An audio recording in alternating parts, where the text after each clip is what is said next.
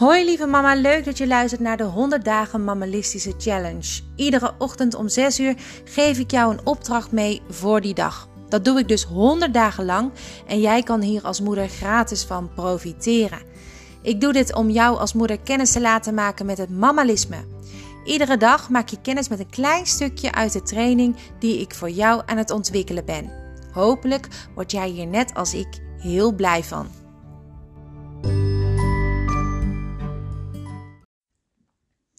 Het is vandaag weer maandag en dan is het een nieuwe week. En uh, ik dacht, we gaan toch iets administratiefs doen. Misschien heb je vakantie of ben je op vakantie. Dan is dat wat lastiger om te doen, maar het is niet onmogelijk. Want tegenwoordig is alles uh, ja, online te vinden, digitaal. En uh, ook de schoolkalender is online te vinden. Op vakanties, geloof ik.nl. Ik, ik weet zo de website niet, maar als je googelt op schoolvakanties, kan al heel veel vinden.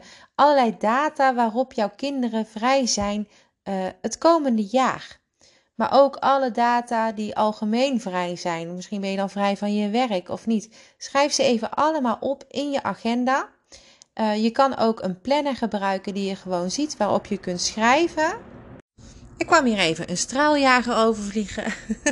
maar het is dus de bedoeling dat jij um, de komende um, maanden gewoon precies weet: oh, dan zijn we vrij. Of dan is mijn kind vrij. Of dan kan ik niet naar de opvang. Of dan is, weet ik veel, uh, dan hoef ik niet te werken.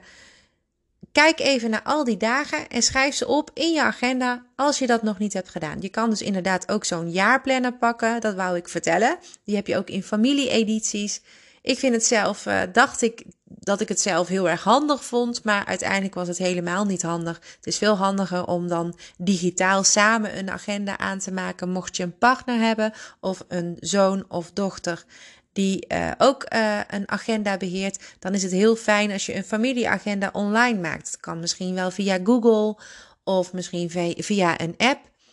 Wil je dat niet? zoals ik bijvoorbeeld, ik zet heel veel in mijn agenda. Dan vind ik het niet fijn dat die pop-ups ook allemaal bij mijn kinderen en bij mijn partner komt.